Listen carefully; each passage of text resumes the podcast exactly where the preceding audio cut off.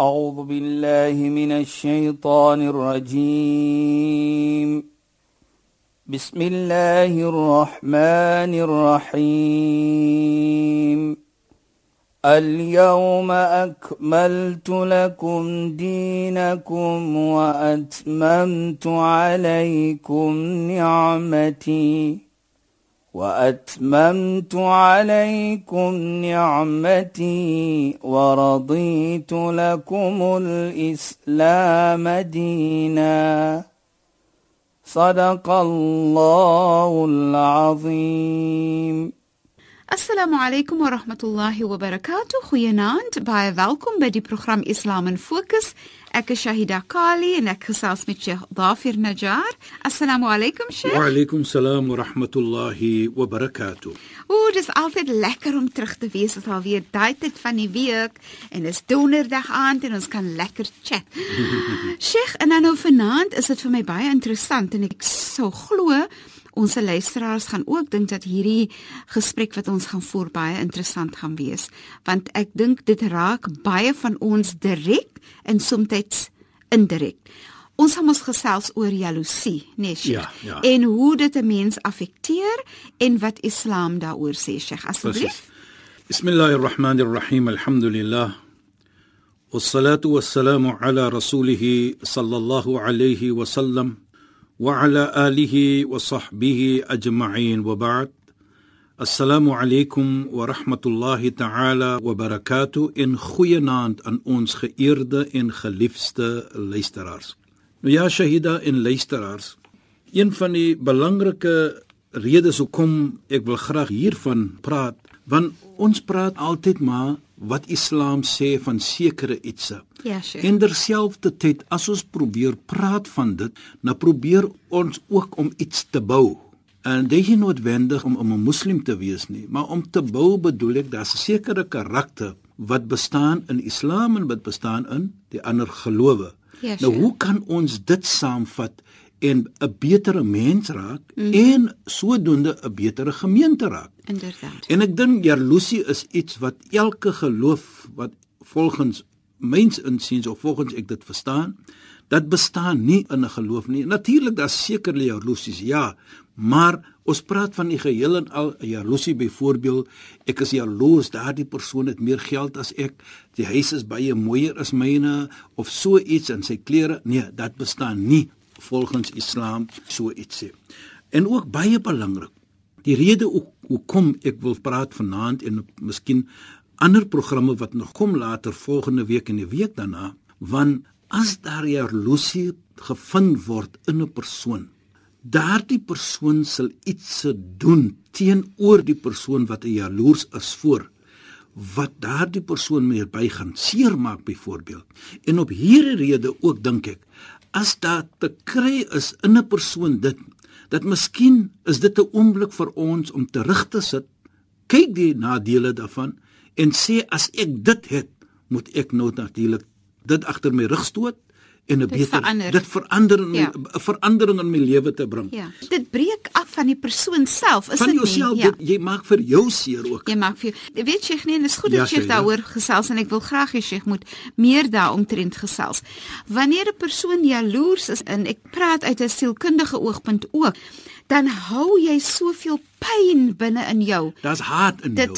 En dit maak jou, jou hart. baie baie seer. Presies dit. Ja. So ons gaan kom daarna wat ons die definisie praat hmm. van wat is jaloesie en ek link die Arabiese woordjie hier wat bedoel hasad. Hasad. Nou hoekom sê ek dit bedoel dit klink sommer so ongemaklik in Arabies as jy sê hasad. Hasad. Natuurlik as jy nou 'n bietjie Arabies ver- verstaan, mm -hmm. dan sal jy natuurlik jou ore het vir dit en sê as die man sê hasad, Ja. dan is dit sommer aglik 'n 'n woord mm -hmm. om vir ons te laat verstaan die aksie van dit is ook aglik. Dit is aklig. En hoekom sê ek die persoon, hy gaan die volgende persoon, hy sal enige iets doen om daardie persoon wat hy jaloers is voor iets verkeerd te doen Seer en hom seer te maak en so voort. Want Allah subhanahu wa ta'ala sê in die heilige Koran: "Wa min sharri hasidin idha hasad."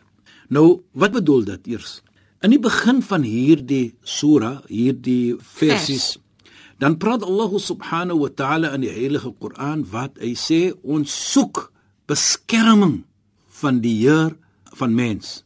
ons soek beskerming, dan sê hy een van die beskerming wat ons soek is van 'n persoon wat jaloesie het die oomblik hy jaloers is. Hoekom?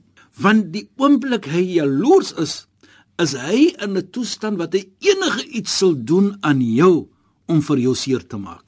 Dit maak nie saak wat dit is nie. So die persoon wat jaloesie hou, Ja. het 'n afguns teenoor die ander persoon dit. op wie hy jaloers is. Op, ja, wat ons verstaan dan uit hierdie versie is dat daardie persoon wat jaloesie het, Ja, sure. hy sal enige iets doen teenoor die persoon wat hy jaloers is voor. Maar baie belangrik, wat vir hom sal seermaak. Mm -hmm. Wat vir hom sal ek lyk die Engelse woord destroy. Mm -hmm. Hy sal enige iets doen. Mm -hmm. Dit maak nie saak wat dit is nie, mm -hmm. maar as dit in sy vermoë is dat hy wil dit doen, hy sal dit doen. Mm -hmm. En dit is wat Allah subhanahu wa ta'ala dan sê. Soek daardie beskerming by Allah, die Heer van mens, van 'n persoon wat daardie karakter het, want hy is in 'n toestand dat hy sal enige iets doen om vir jou seer te maak. En is dit 'n vers uit die, uh, Uit die Heilige Koran.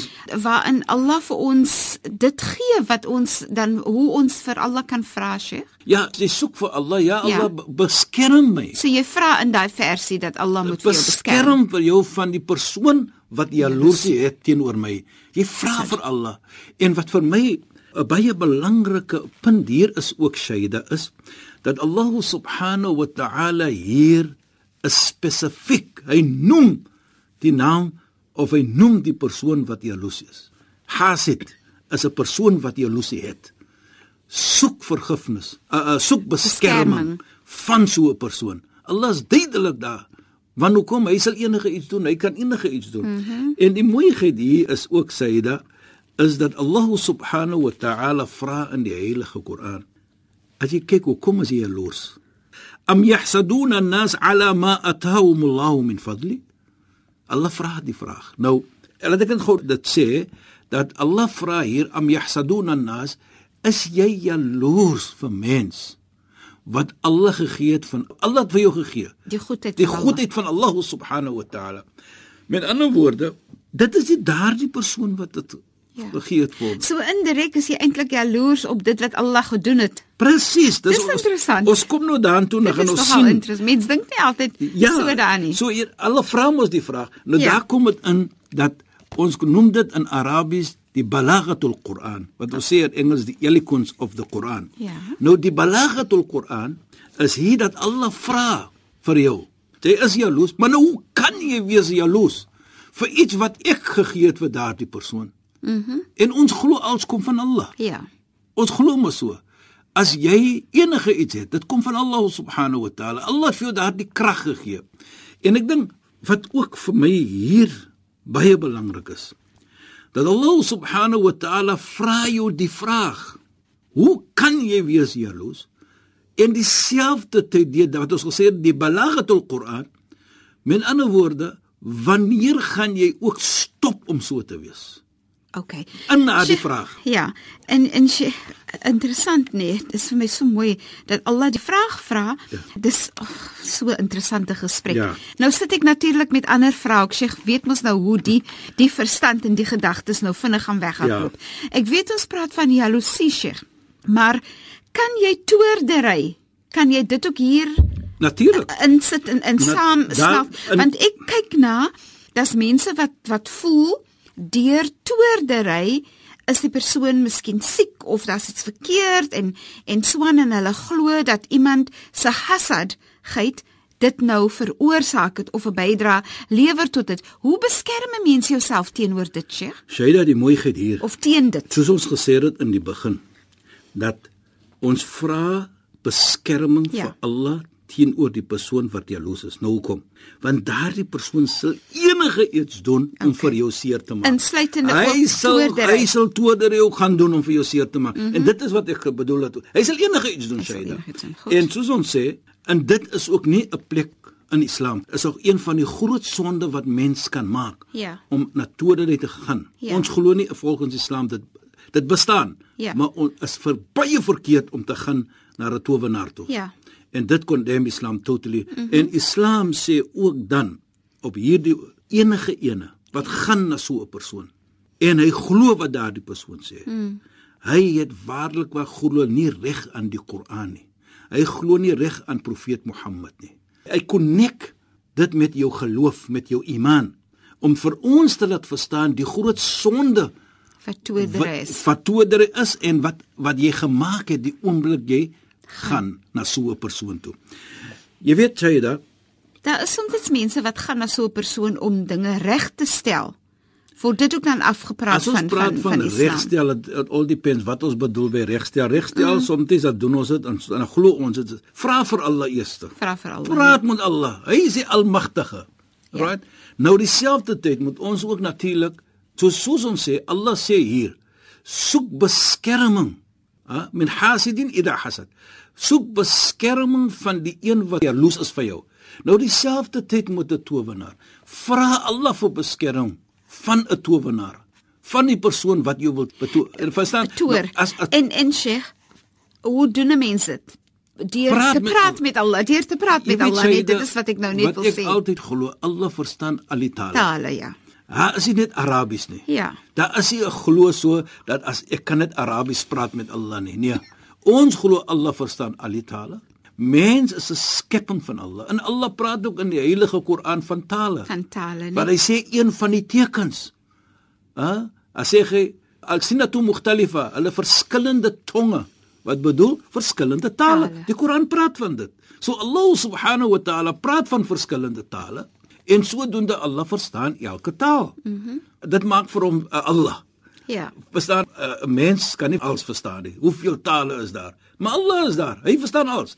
So dan vra ons altyd op Afrikaans, op enige taal, Khoza, Engels, Arabies, die taal wat vir jou toepas, die taal wat jy comfortable voel. Nou vra jy vir Allah om vir jou te beskerm. So wat Sheikh eintlik nou ook na verwys is dua, gebed maak 'n gebed praat met Allah, vra vir Allah. En die mooi gee. Ek sê al sy, ja, maar ek val val vir sy genereer. ja. Ek sê altyd in my werk en sê dan sê ek vir mense, kla by Allah en precies, vra vir Allah. Precies. Ek sê altyd kla by Allah. Jy weet jy dat wat baie belangrik is. En is 'n mooi iets wat jy noem nou, die gebed. Wat doen jy? Ja, sy. As jy vra vir Allah volgens mm -hmm. Islam. Mm. Daar's baie iets wat kom met dit. Ja, sy. Eerste ons glo dat wat ons sê tauhid bedoel die eenheid van Allah. So as jy vra by Allah, dan implement jy 'n vorm van eenheid tauhid wat ons sê. En daardie eenheid is presies wat jy sê elke dag, iyyaka na'budu wa iyyaka nasta'in. Vir U alleen aanbid ons en vir U alleen smeek ons, ons om hulp. Kyk hoe mooi is dit.